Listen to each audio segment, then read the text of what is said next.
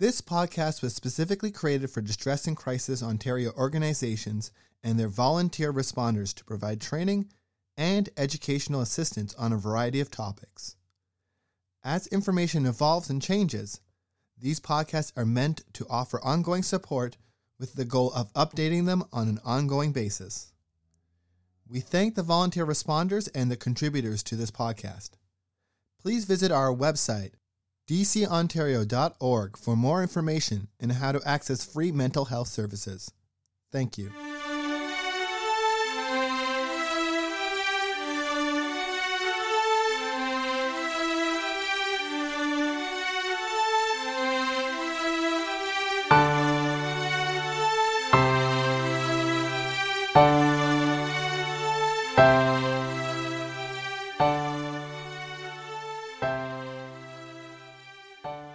My name is Caitlin Plant, and I am the Program Manager at Distress and Crisis Ontario. As an ally to First Nations, Métis, and Inuit peoples of Canada, we seek to support their efforts for truth and reconciliation in social justice initiatives. For example, with the recent visit from the Pope to Canada and a long-awaited attempt to honor Call to Action number 58, which is to issue an apology to survivors, their families, and communities for the Roman Catholic Church's role in the spiritual, cultural, emotional, physical, and sexual abuse of First Nations, Inuit, and Métis children in Catholic-run residential schools, and to rescind the doctrine of discovery, we thought it would be an appropriate time to lend our support to First Nations, Métis, and Inuit communities. Engaging in meaningful conversations, our aim is to use our privilege to learn, raise awareness, and build relationships for social justice. We hope to improve engagement, provide resources, help build healthy communities, and explore how we raise awareness for social justice in alignment with the United Nations Declaration Declaration on the Rights of Indigenous Peoples. To start, we have reached out to some agencies as well as two of our member centers who support First Nations, Inuit, and or Métis communities to ask for their guidance on these subjects. This week, I am joined by Sheila Levy. Sheila is the executive director of the Nunavut Kamatsiaqtut Helpline, a toll-free telephone helpline that provides anonymous and confidential telephone counseling and contact service for any and all Northerners who need a listening and non-judgmental ear to talk about personal problems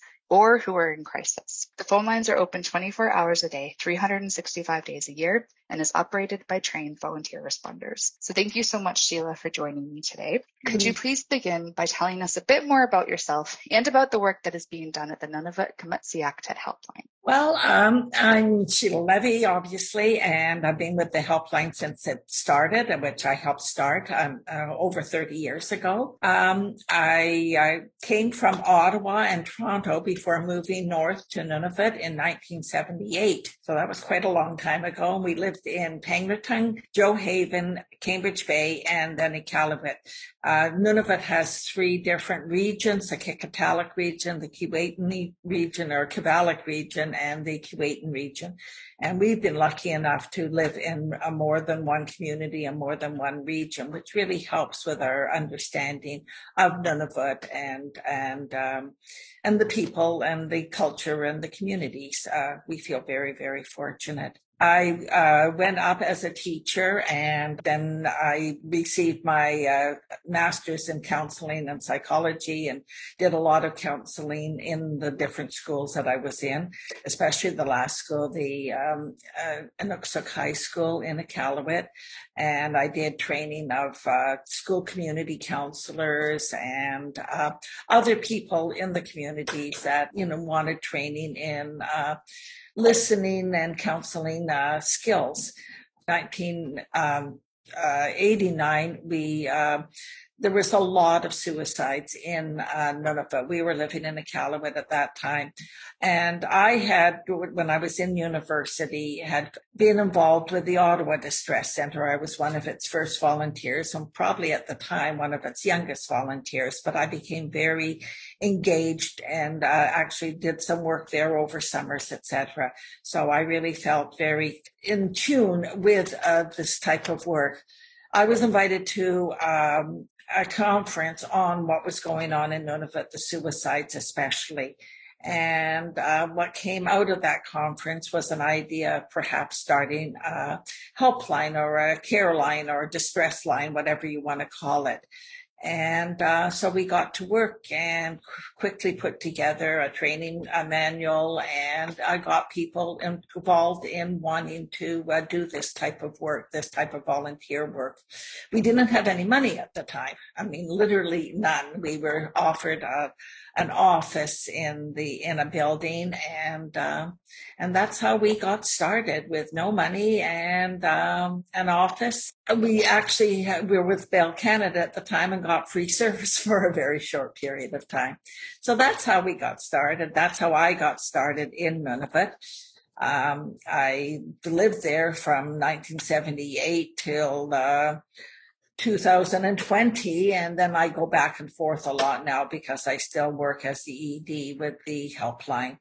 It's just a, a very much a part-time position but um, as we still don't have a lot of uh, resources in order to have too many uh, full-time positions but we have amazing volunteers and amazing support uh, within the communities so um, that's how that's a little bit about me. And the work that the helpline does is really very, very, um, it's really become very important and very uh, needed in the North. Um, we started off just offering service to Iqaluit with a 9793333 number, and it became very clear and very obvious that we needed uh, uh, support to support other communities because people at that time there wasn't, you know, uh, a lot of long distance calling and it was very expensive. So, and, you know, people would call and want to, you know, call, collect. And, you know, we, we were finding that difficult. So we were able to, with the, with the support actually of our premier, who was, uh, Dennis Patterson at the time, he was very supportive of getting our, our uh, service going we were able to get a 1-800 line and then offer service uh, throughout all the communities. And um, at that time, actually, uh, people in northern Quebec, Nunavik, uh, found out about our services and asked if they could also, uh, you know, uh, call our service and get the support they needed.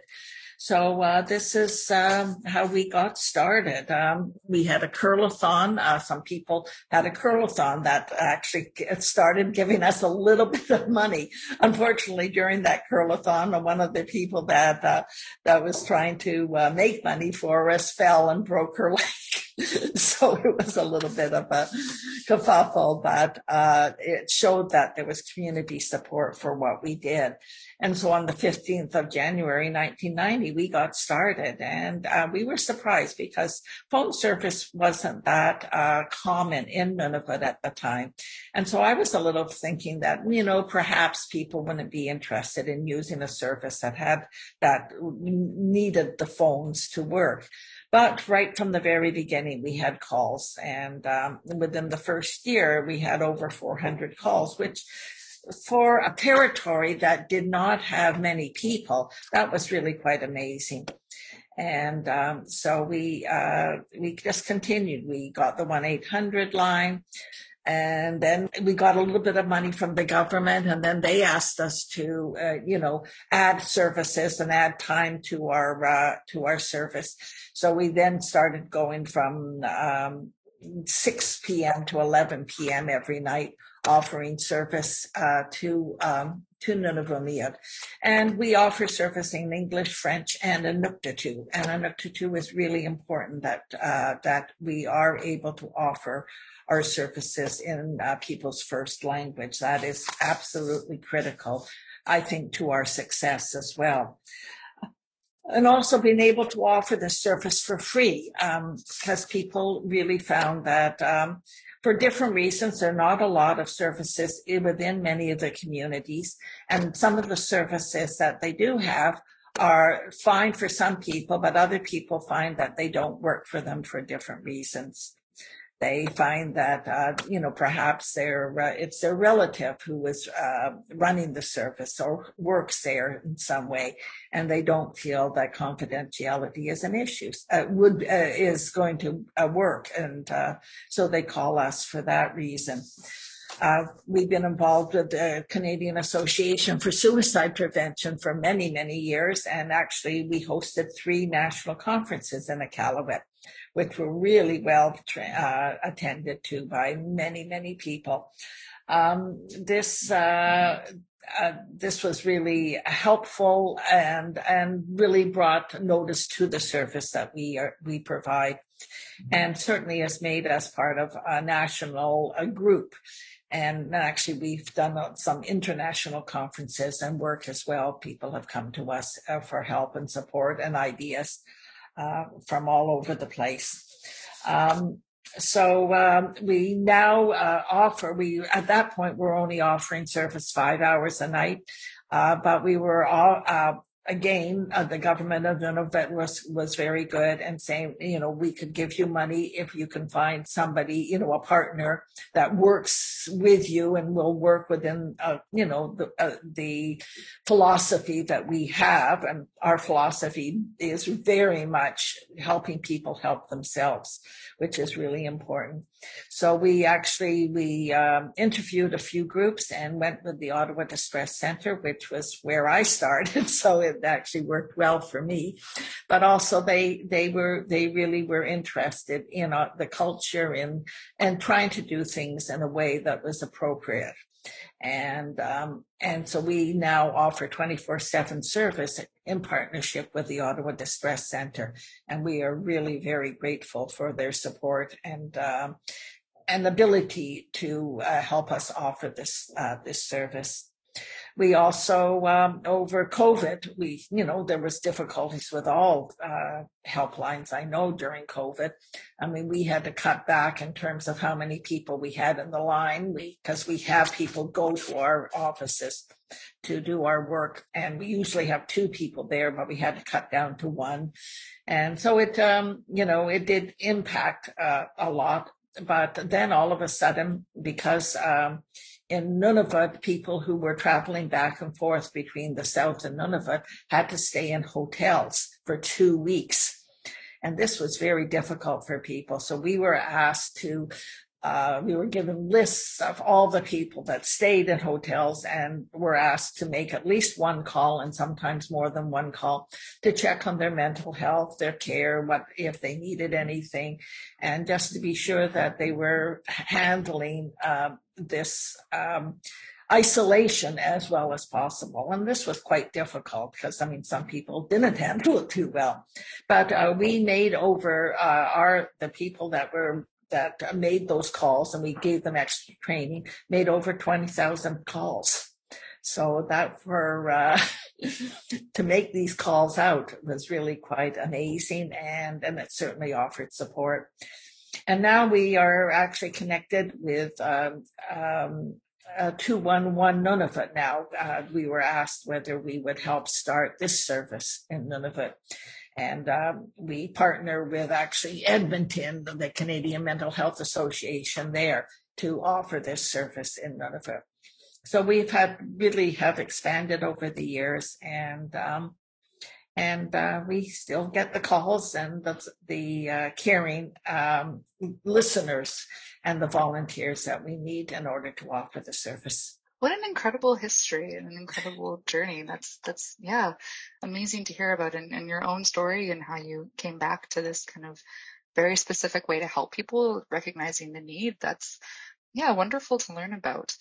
Um, so you've mentioned a little bit in there kind of some of the reasons. Obviously, the major challenge of suicide rates being one of the reasons why you started the line, um, isolation during COVID, um, and a few other things in terms of, yeah, I, as someone who grew up in small town rural Ontario, I understand that kind of services being run by your family members and not necessarily wanting to have everybody know what's going on in your life. Um, but what are some of the other struggles and concerns faced by those who are calling your phone lines? Well, suicide is really a big struggle, and and you, I mean, for me personally, um, we I we started off in Pangnirtung and then um, then moved over four years there, three uh, two years in and Gjoa Haven, three years in Cambridge Bay, and back to Iqaluit. And the first year we were back in Iqaluit, four young men who I had taught in Pangnirtung, uh, when they were like in grade two or three, uh, they all died by suicide. And this impacted me incredibly personally. I just, uh, I saw you know, so much hope for all of them. And, and I felt very connected and, and, and quite upset. And you're going to find anyone who lives in Nunavut and gets involved in communities, whether they're from the South or if, uh, you know, or they are, were born and brought up there. They, uh, suicide is an issue, whether it's been an issue for themselves or for family members, or uh, they certainly have heard of people who have died by suicide and are often very connected to people. So suicide is an issue. And so uh, one of the things I really uh, stress in our training is that um, the word of suicide is going to come up far more often than it would in any uh, service uh, in southern Canada, just because so many people have uh, have had um, experience with it in one way or another. So uh, that is going to be an issue, and and people have to get used to hearing that. Abuse is another big issue there. It is uh, it's very um, very difficult. Um, uh, you know, and I think a lot of it, if you look back at the uh, the residential schools. That is where a lot of that all started. So uh, it was, um, you know, we we are having to um, really think about that with you also have to realize that uh, things are a little different in Nunavut. You can't just assume that the train if people come up and they've been trained in the south and and or they lived in the south, etc. Uh, they can't do things exactly the same. That uh, that the culture and the norms and the um, and the ideas around uh, seeking help are very, very different than uh, they they are perhaps used to. So um, you have to look at traditional approaches to helping. Um, and and realize that, are, that within communities there are a lot of natural helpers. Often they are elders, but not always. And to make sure that you know they can be used as as resources. Um, there's also trust issues, trust issues with uh, helpers, with psychologists, with uh, physicians, with social workers, etc. Uh, these things you all, you, I mean, if you are not aware of that, I think it really is, a, that really impacts um, how uh, people uh, trust and talk to you. Uh, relationships are really, really critical in the North. And you have to understand that in terms of relationships. As I said before, people might not want to go to the um, you know the health centers or whatever because you know their their aunt works there or whatever. And they're afraid that you know whatever they want to talk about is going to be passed around the community. So or they also might want to talk to their family members and that's the people who they trust the most. And uh, so it's it's really critical in order to to know these things in order to understand what are what some of the issues are you know, there's economic issues, there's employment issues, especially in the small communities. Um, the um, I'm just trying to think. Uh, you know, you have to know a little bit about the land claims and how that has impacted people, and how the beginning of Nunavut people all really thought, oh, all their problems would be solved when Nunavut became a territory, and of course that hasn't happened. So there is a lot of unrest around that and disappointment and anger around that. Um, but uh, some of the uh, relationship issues, uh, psychiatric problems that uh, are not uh, being addressed or, you know, been very briefly, um, uh, anxiety, school issues, work issues, pregnancy. Now that pregnancy is a big one in that, um, uh, you know, when I moved north, it was uh, all young girls were expected to be pregnant, to get pregnant, and then often were expected to give their the first child to their parents. And now there's, you know, there's a, a lot of differences. A lot of young people, you know, don't want to follow that, yet there is still some pressure within communities to do that. And uh, that becomes, uh, can be an issue with people who call. And if, you know, our, um, our amps, people answering the calls, might not know this background or we this is why the training is absolutely critical Homelessness is another big issue. There's a lot of couch surfing, surfing within Nunavut, where people go from one person's home for a couple of nights to another person's, and um, and uh, because there just isn't enough uh, homes for everybody there, enough. Um, so housing is a huge issue. Um, uh, there's fear of, of authority, fear of the RCMP, fear of even doctors, or social workers, etc. Um, drugs, alcohol is another big issue. Some of the communities are alcohol free, but that doesn't mean that everybody in the community follows that. And um, and there's a lot of fear now around uh, the new drug laws. And so you have people who really want to uh, to live in, you know, in today's world and others who see are very, very fearful of it. So, um, I mean, even within the Iqaluit, we have a beer and wine store, and there's just so many different opinions within the community as to whether this is a good thing or not and how it has impacted everybody. Um, so addictions is a really big issue and the fact that we don't have an addiction center in Nunavut as yet. This is something that I know the government is working on, and it will be helpful once they get something in that actually could work.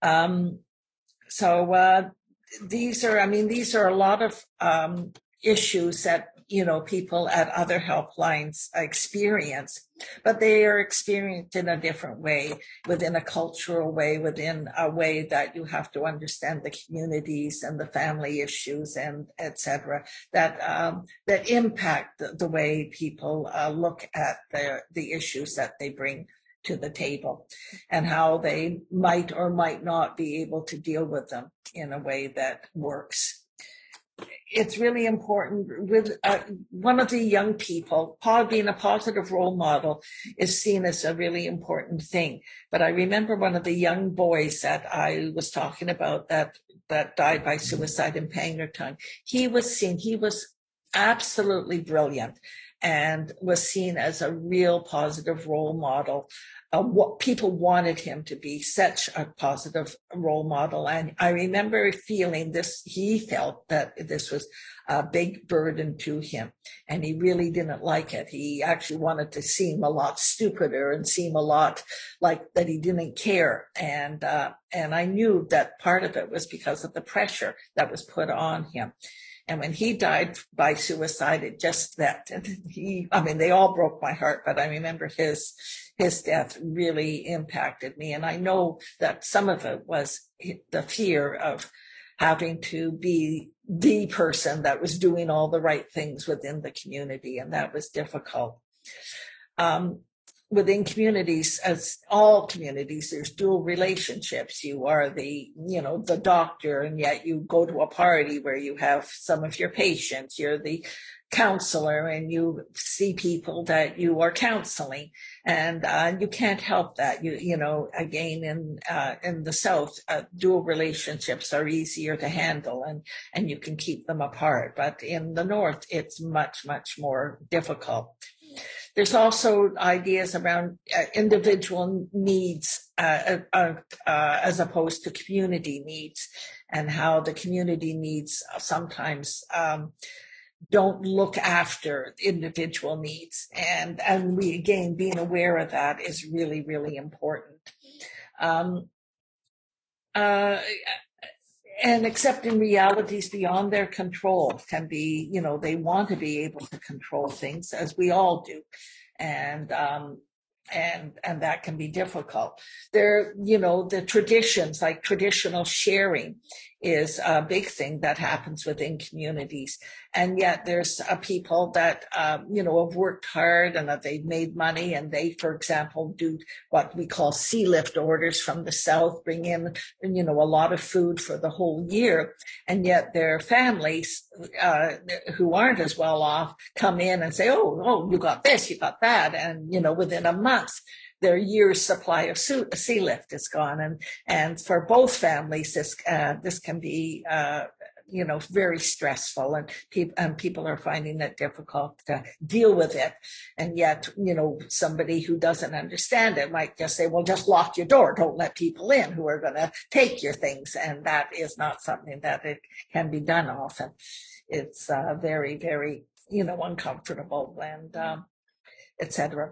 There's a whole idea of non-interference, not interfering with people's um, um, choices that they make. And that can be difficult because, I mean, we all want to put out ideas and things. And, and it's really, really important to make sure that um, whatever ideas come out in a call are uh, accepted and, and uh, by the person and not just forced on them helping people help themselves again is really, really important. Um, let's see.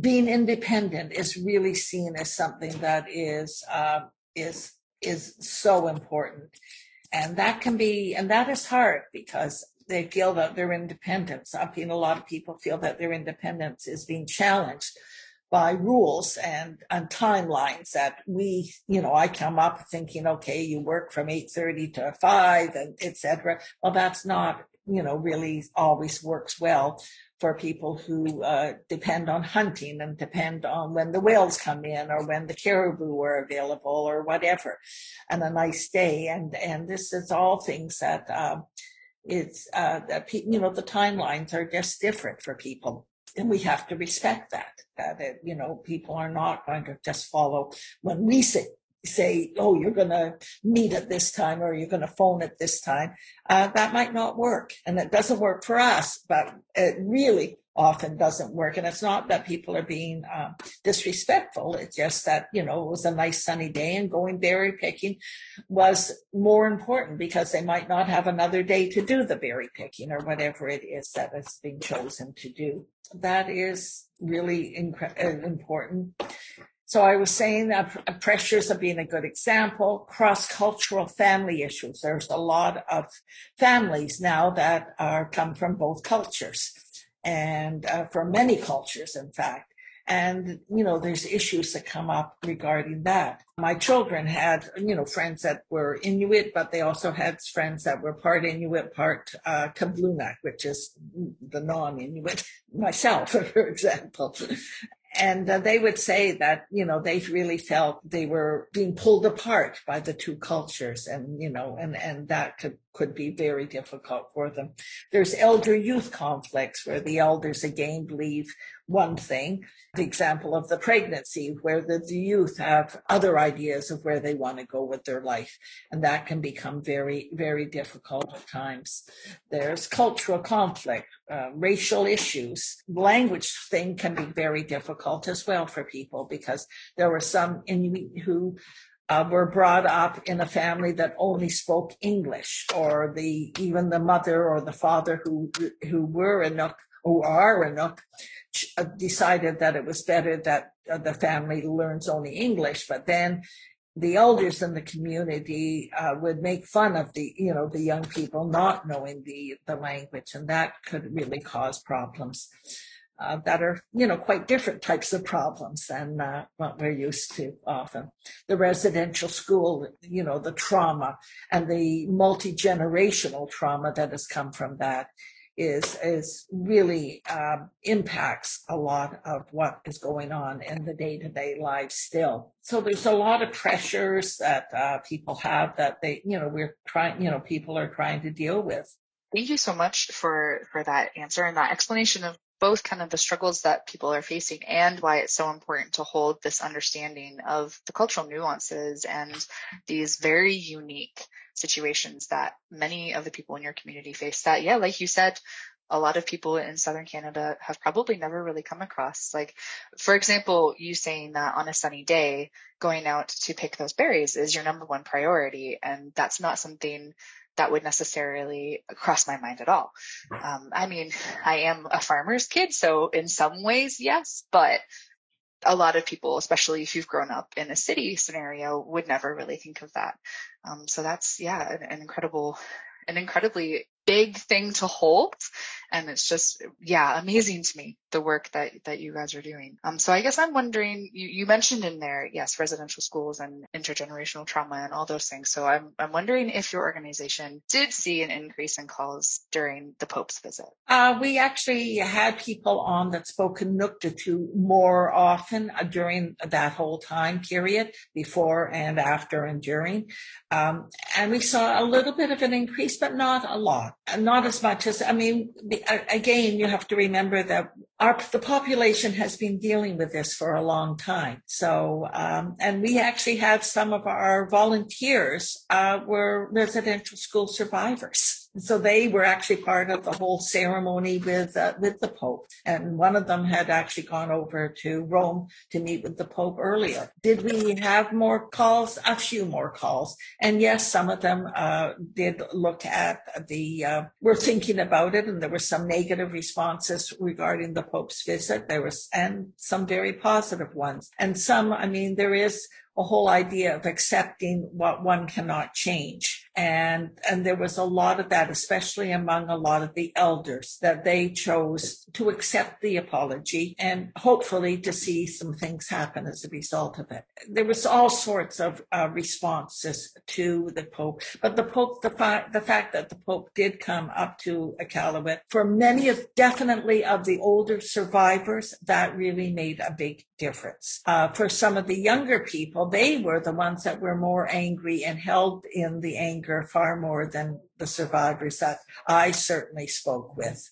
I don't know if that helps in understanding. Yeah, no, that that's really interesting. And I think that, yeah, that kind of shows even more where there's so much difference in how the generations hold on to things and how we Absolutely. move through things and, and having that understanding. So I think you, you've already given us some really good examples of how understanding and being open to differences in, in culture and communities and understanding that things aren't the same way everywhere as they are in our own world are so important to realize. But I'm wondering if you have any other advice on how other Canadian settlers and those those of us who are descended from settlers can work to become truly good allies and best support truth and reconciliation and lifting up Indigenous communities? Well, I think first of all is learning more about it and learning from people and with people. So doing research, I think that's really important to learn about the different uh, communities, the First Nations, Inuit, Métis, and understanding their history and the residential school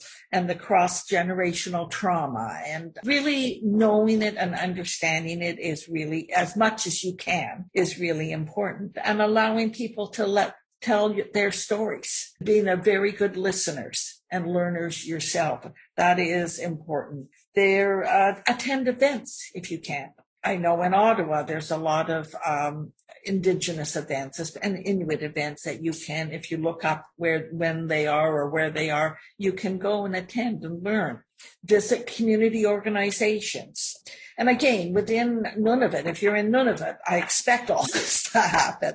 Uh, you know, not being in Nunavut or, or, or not being right in a community, I think you still can make the efforts to learn and to, and to realize that you have a lot to learn about uh, people, about, and about yourself then. You learn a lot more about yourself. There are certainly friendship centers uh, throughout Canada that are worth going to visit. As I say, you're not there to do things for people, you're there to work with people. And that is really, really critical. I feel, uh, you know, that uh, is really important. And to figure out ways of getting acceptance and understanding, getting involved. I mean, certainly one of the things we did, we were very fortunate in when we first moved north to just get, we just got involved with the community and uh, we were lucky to have been accepted. In fact, our oldest daughter, uh, she was born when we lived in Pangnirtung and uh, she was given an Inuk name. Somebody had died died just before she was born. And she was actually given this person's name. And we didn't realize that this honor had been bestowed on her for a few months. It was really kind of funny. All of a sudden, one day, you know, somebody said, Oh, you understand why your daughter has been called Asivak and why she's my little Anne. And I knew the naming process I, I learned all that, but I didn't realize that our own daughter had been uh, given this honor. So it's learning all these things and getting getting involved with the communities and the customs and culture and being respectful and, and working together. And uh, those are all things that are really, really important.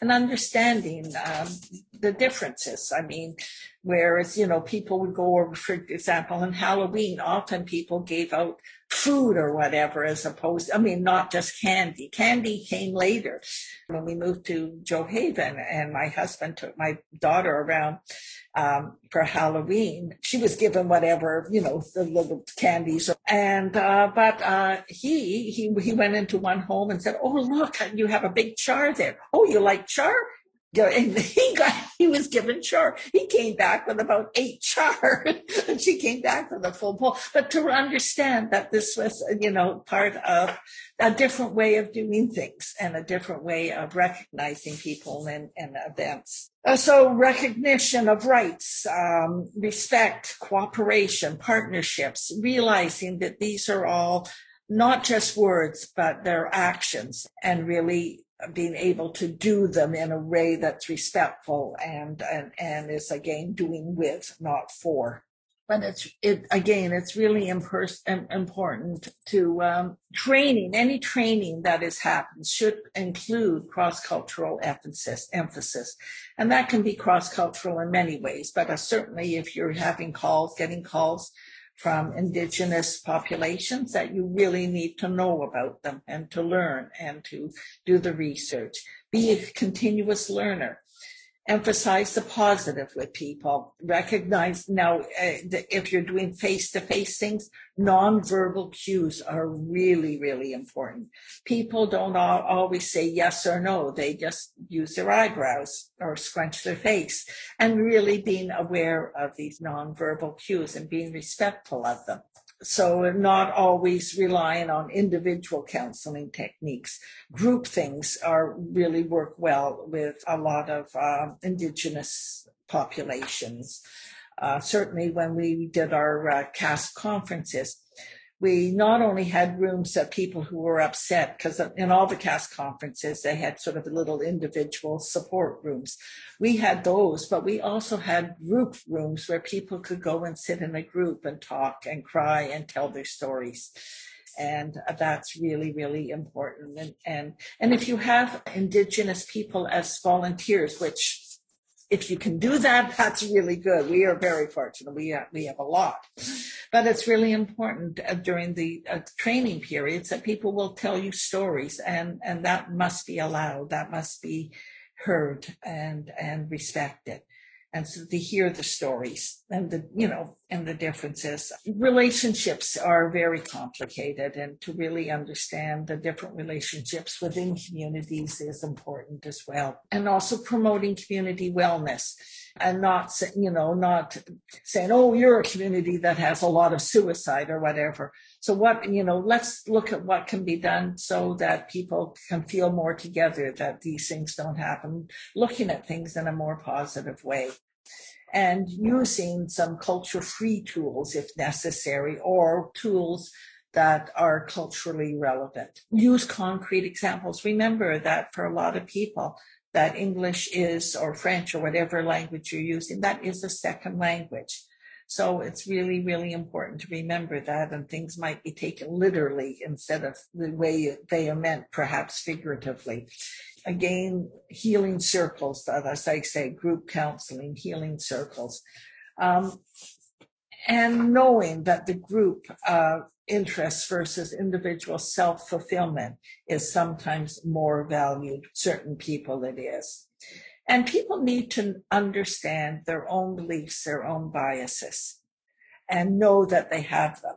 Uh, because if you think, oh, you know, I just look at everyone the same, well, we don't. None of us do. but you have to understand yourself and your own beliefs and biases so that you can be aware of them when you are working with others. We all need to be able to do that, whatever culture we come from. That's all wonderful, wonderful advice. And I really appreciate, yeah, you sharing all of that. And especially as someone who has come from Southern Canada and moved into your community and made such an incredible difference there. Um, it's, it's wonderful to get this advice from you. I'm wondering if you have any other kind of physical resources that you can suggest for our listeners in terms of maybe books or websites, podcasts, movies, anything well, like that? You definitely could go to, you know, there's a lot of different places you can go to to get a list of those.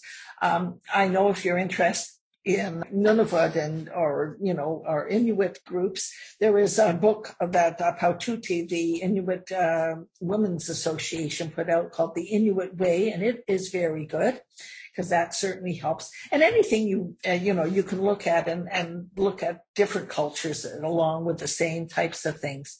Um, looking at movies, I mean, even Dances with Wolves, that was an excellent movie to have people really think about the uh, First Nations culture and the background and the and, and the difficulties they had. There for uh, Inuit culture, there's Atanarjuat, which I mean, it's the fast runner.